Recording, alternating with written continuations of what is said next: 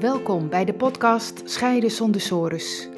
Ik ben Annewieke van der Boom en ik begeleid mensen die op het punt staan te scheiden en bang zijn voor een financieel drama, verlies van contact met je kinderen en eindeloze discussies met hun partner naar een nieuwe situatie waarin je meer quality time hebt met je kinderen, weer respectvol en ontspannen met je partner kunt communiceren en weer financiële duidelijkheid hebt.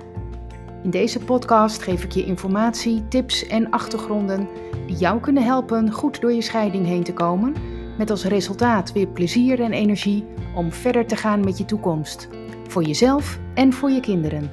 Dat is Scheiden zonder sores.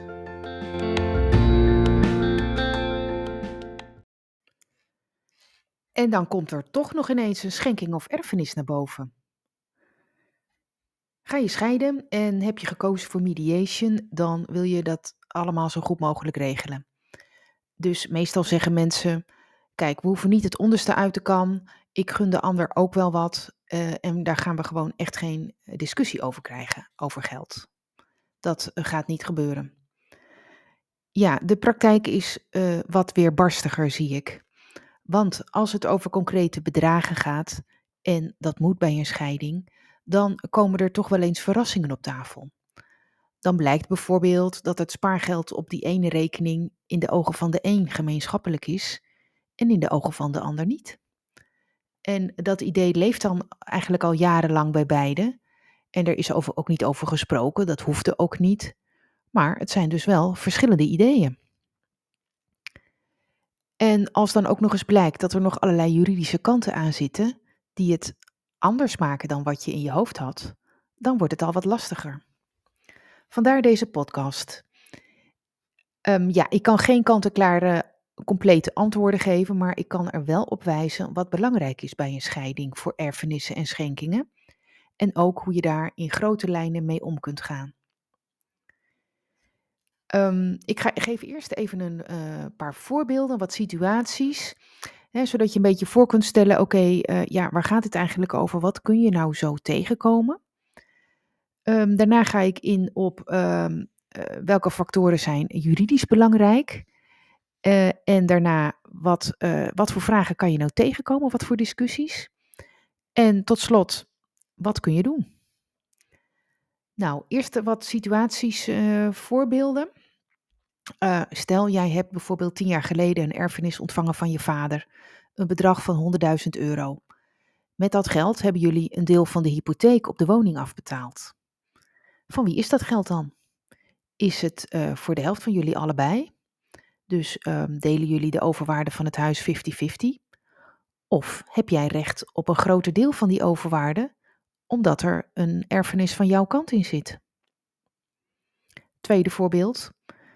Um, jij hebt die erfenis gekregen en die hebben jullie gebruikt om uh, allemaal verschillende royale uitgaven te doen. Hè, bijvoorbeeld een, een mooie reis met het gezin, uh, een hele mooie uitgebreide buitenlandse reis. En jullie hebben ook een nieuwe auto gekocht. Kun je dan nog iets vorderen van je partner? Of je hebt een schenking gekregen. Heeft dat eigenlijk nog consequenties? Nou, welke factoren zijn dan juridisch eh, van belang? Um, ja, allereerst is van belang of jullie bij de start van je huwelijk of later tijdens je huwelijk huwelijkse voorwaarden hebben gemaakt. Um, de grote lijn is dan dat als jij de erfenis hebt gekregen, dat die helemaal voor jou is. Uh, dat is wel de grote lijn hoor, want er zijn verschillende variaties in huwelijkse voorwaarden. Maar goed, het zou hier ook gaan uh, nu over de grote lijn. Nou, stel dat je geen huwelijkse voorwaarden hebt gemaakt en ben je getrouwd voor 1 januari 2018, dan um, is er automatisch een gemeenschap van goederen. Dus alles wat je hebt is van jullie samen. Ben je gehuwd na 1 januari 2018, dan is er automatisch sprake van een beperkte gemeenschap van goederen. En dat betekent voor ontvangen erfenissen en schenkingen dat die altijd zijn, helemaal voor degene die het ontving. Dus dat is eigenlijk de eerste vraag juridisch. Is er een gemeenschap van goederen of zijn er huwelijkse voorwaarden? En wat houden die precies in? De tweede uh, vraag op juridisch gebied is: Ehm, heeft degene van wie je die erfenis kreeg een testament gemaakt? En wat staat daarin? Uh, het kan namelijk zijn dat in zo'n testament een zogenaamde uitsluitingsclausule staat. En dat betekent dat de erfenis niet gedeeld mag worden met degene met wie de erfgenaam is getrouwd. En dat geldt ook voor gemeenschap van goederen. Als er zo'n clausule is en gemeenschap van goederen, dan is de erfenis toch helemaal, dus 100% voor de erfgenaam en niet voor de helft van de andere echtgenoot. Um, ja, en bij een schenking kan er ook zo'n clausule worden gemaakt, maar dat hoeft dan niet via de notaris, dat kan ook in een gewoon uh, uh, document, dus op een A4'tje met handtekening en een datum erop, mits het dan wel gemaakt is um, voordat die schenking is gedaan. Nou, daarbij gaat het dan om um, erfenissen en schenkingen die al zijn uitgekeerd voordat je gaat scheiden. Uh, maar het is ook mogelijk dat er uh, eigenlijk vlak uh, voordat je gaat scheiden, dat er iemand is overleden van wie je gaat erven.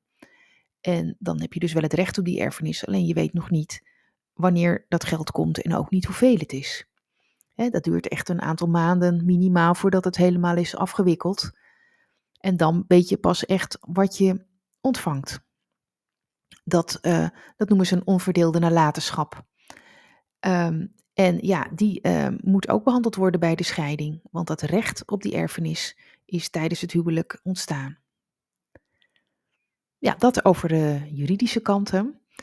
Uh, ja, welke discussies kan dit nou opleveren? Wat moet je daar nou bij voorstellen?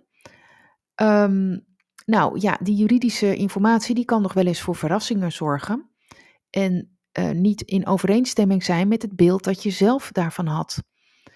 En uh, ja, dat kan echt wel discussies geven uh, als je uit elkaar gaat. Ik geef een voorbeeld. Stel, je hebt die 100.000 euro geërfd en jullie hebben daar als gezin in goed overleg een paar hele mooie buitenlandse reizen van gemaakt, samen met je kinderen. Dan zou je denken, ja, op is op.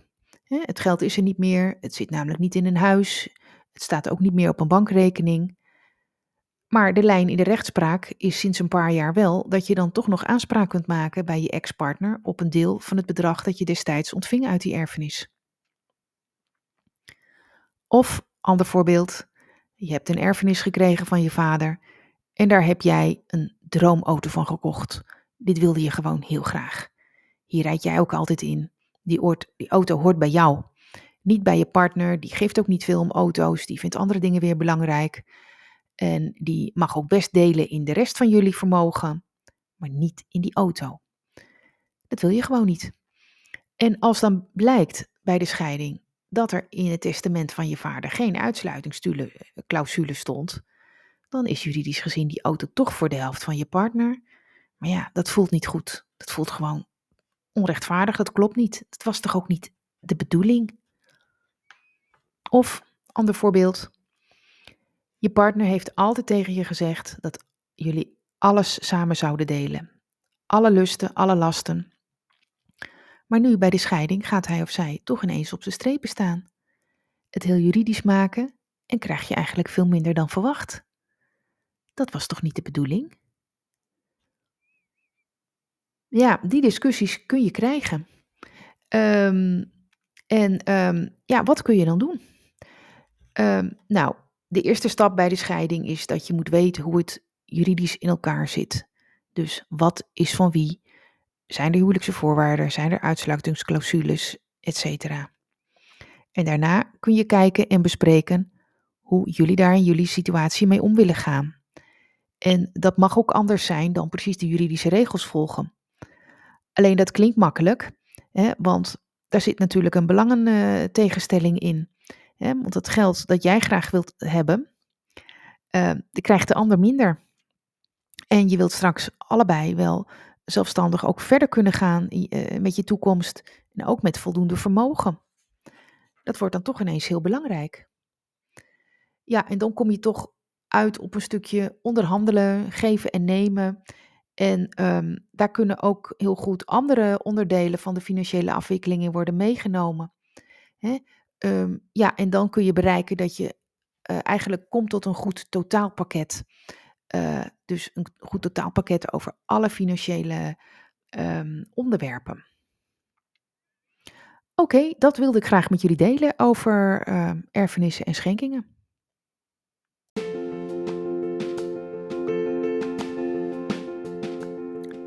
Leuk dat je hebt geluisterd naar deze aflevering.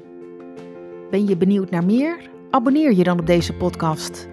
Dat kun je doen door bij Apple Podcast op het plusteken rechtsboven te klikken en dan zie je volgen. Bij Spotify door linksboven op volgen te klikken. Wil je meer weten over mijn full service mediation?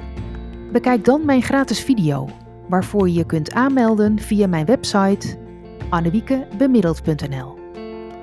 Tot de volgende aflevering.